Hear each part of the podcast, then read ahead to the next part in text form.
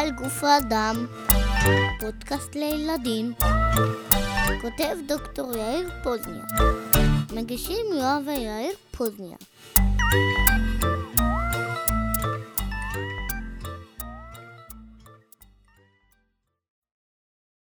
אבא, כואבת לי הבטן.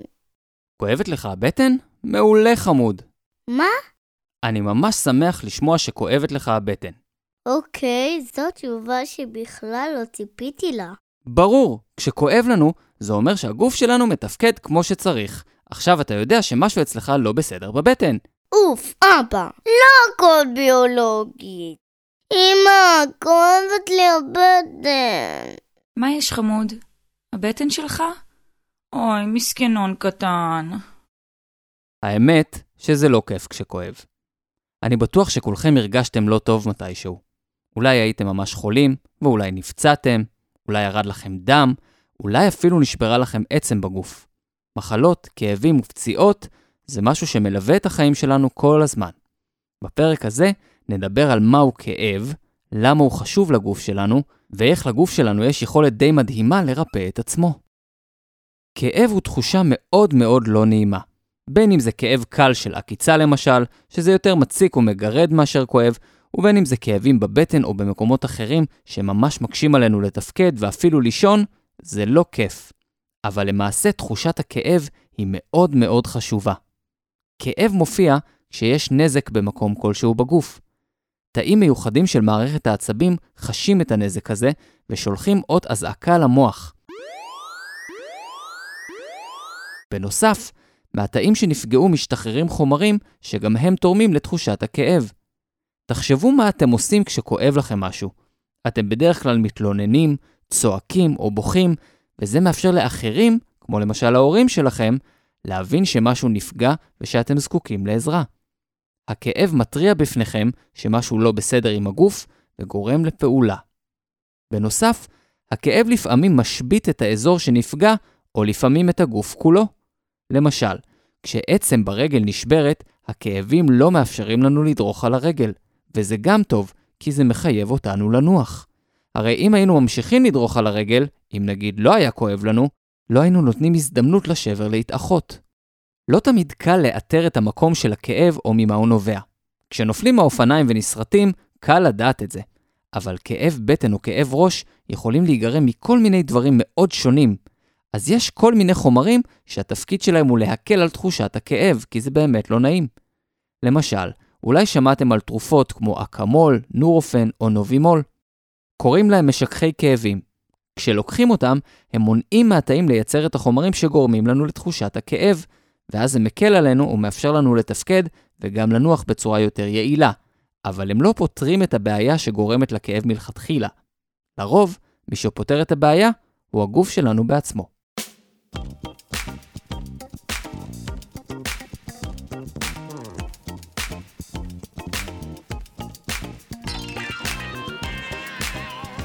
תנסו להיזכר בפעם שבה נפלתם, נסרטתם וירד לכם דם. אתם יודעים שדם הוא נוזל מאוד חשוב בגוף. במערכת הדם עוברים כל החומרים שחשובים לתפקוד של התאים שלנו, כמו חמצן, סוכר וחומרים אחרים. אסור לתת לדם שלנו לזרום החוצה במשך הרבה זמן, זה יכול להיות ממש מסוכן. אז כדי להבין איך הגוף מרפא פצע, בואו ניכנס לתוך האזור של הפצע. בואו נדמיין שאנחנו קטנים, קטנים, קטנים, קטנים.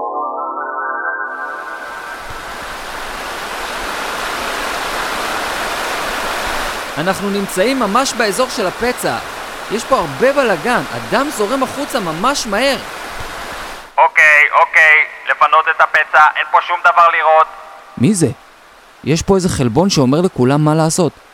קדימה, תעשיות, אני מבקש להתאסף בשורה כאן, באזור של הפצע. קדימה, קדימה, להתחיל לסגור את האזור. בבקשה ליצור לי קריש דם פה, קריש דם. כריש דם? קריש, לא כריש, בקוף. וואו, יש מין גופים כאלה שיוצאים מתוך הדם ומתחילים להסתדר באזור של הפצע, מבפנים. אלה כנראה תסיות הדם. לתסיות יש תפקיד חשוב בסתימה של החור שנוצר בכלי הדם. הן יוצרות שכבה שדרכה הרבה יותר קשה לדם לצאת.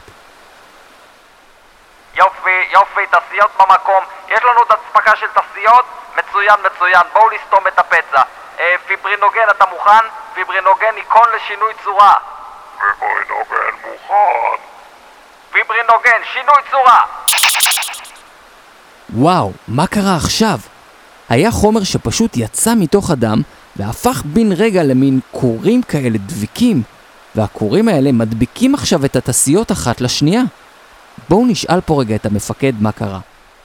החומר שיצא מתוך הדם נקרא פיברינוגן. הוא כל הזמן משייט בדם ומחכה שנצטרך אותו. ברגע שיש פצע, הוא יוצא מתוך הדם ועובר שינוי צורה לדבק הזה שנקרא פיברין. הדבק מחזיק את התסיות ביחד, ושניהם ביחד בעצם סותמים את הפצע לגמרי.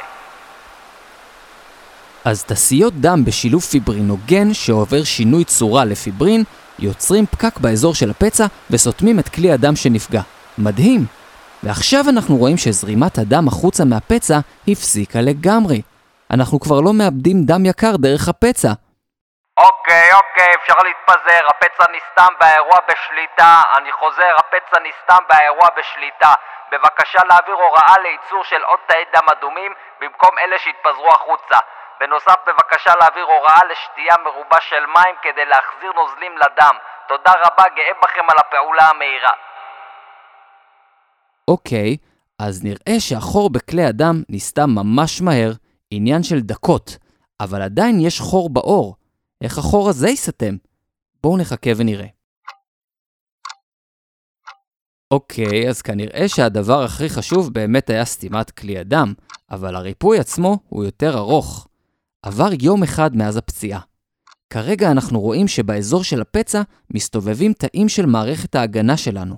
קוראים להם תאים בלעניים, והם בולעים את כל השאריות מאזור הפצע. הם ממש מנקים פה את האזור. עכשיו באמת הרבה יותר נקי ונעים. אה, עוד יומיים עברו, סוף סוף משהו זז. התאים באזור הפצע עוברים תהליך מעניין. מתא אחד הם הופכים לשניים. הם מתחלקים ומתרבים, וזה מתחיל לאט לאט לסגור את הפצע שנוצר בעור. עוד יום. התאים מתחלקים כבר די הרבה זמן, וכבר מכסים את שולי הפצע. ולא רק זה, חלק מהם ממש מושכים את שכבת התאים אחריהם, כמו שמושכים כיסוי מעל בריכה בחורף. ויש תאים אחרים שמפרישים חלבונים שמייצבים את הרקמה החדשה, ומשמשים קצת כמו פיגום שעליהם נבנה האור החדש. אוקיי, אנחנו כבר כמה ימים טובים אחרי הפציעה. הפצע נסגר כמעט לחלוטין, יש עוד קצת אדמומיות באזור, וזה כבר לא כואב. בתוך כמה ימים נוספים, הפצע ייסגר, ולעיתים תישאר לנו צלקת, שמוכיחה שלמרות שלגוף יש יכולת ריפוי מרשימה, היא לא מושלמת. אז מנגנוני סגירת הפצעים של הגוף כוללים קרישה של דם על מנת לסתום את החור בכלי הדם, ותזוזה וחלוקה של תאים שבאמצעותה ניתן ליצור שכבת עור חדשה במקום זאת שנפגעה. עובדה מגניבה! לא רק לעור ולכלי הדם יש יכולת לחדש את עצמם, גם לאיברים גדולים כמו הכבד יש יכולת כזאת. מחקרים מראים שגם אם חלק מאוד משמעותי מהכבד נפגע, התאים שבו מתחדשים ויכולים לייצר את הכבד מחדש. עם זאת, יש גם רקמות שלא מסוגלות להתחדש, בעיקר רקמת שריר לב ורקמת עצב.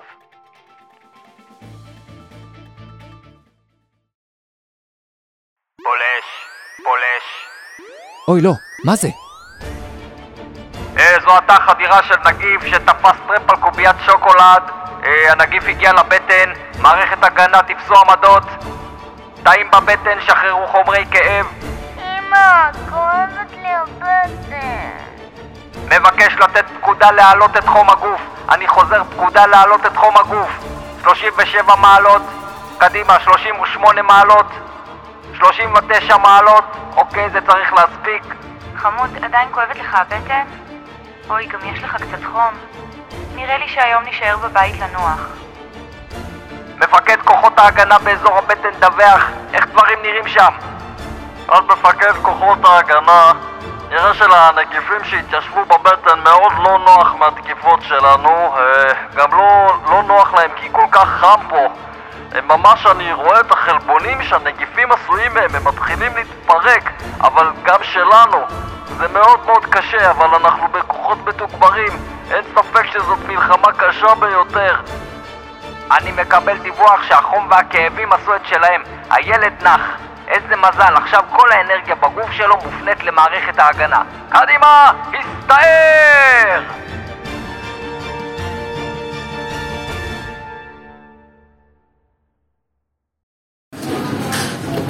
היי יואב, חזרת אלינו לגן. אתה מרגיש יותר טוב? כן, זה היה רק וירוס קטן. אה, אני, אני מרגיש שאנחנו לא מקבלים מספיק קרדיט. כן, היה פה קרב. היה פה קרב, אנחנו גיבורים. אני אומר לך, העבודה שלנו לא מספיק מוערכת. לא מספיק, חלבון בא, עושה את העבודה שלו, מה הוא מצפה? לקבל קצת הערכה, אולי מילה טובה, שוקולד, פרחים, משהו. די, אני מתפטר. אתה לא יכול. אוי, נכון, אתה צודק. אוף.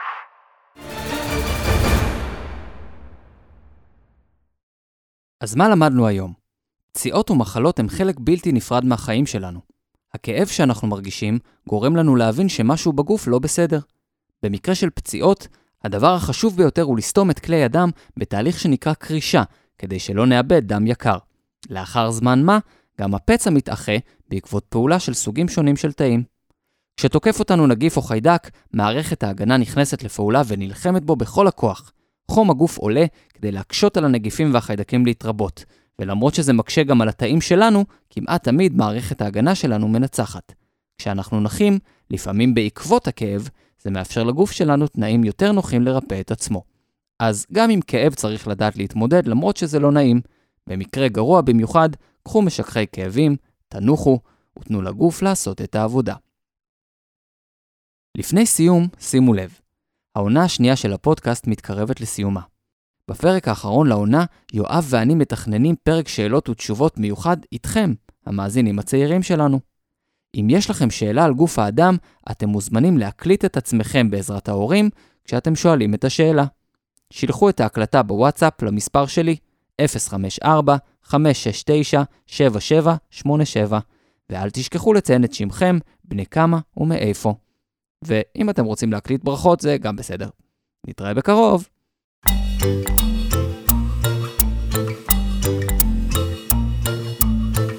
זה היה מסע אל גוף האדם. אני דוקטור יאיר פוזניאק. פרקים נוספים באתר הבית שלי, ypscience.com.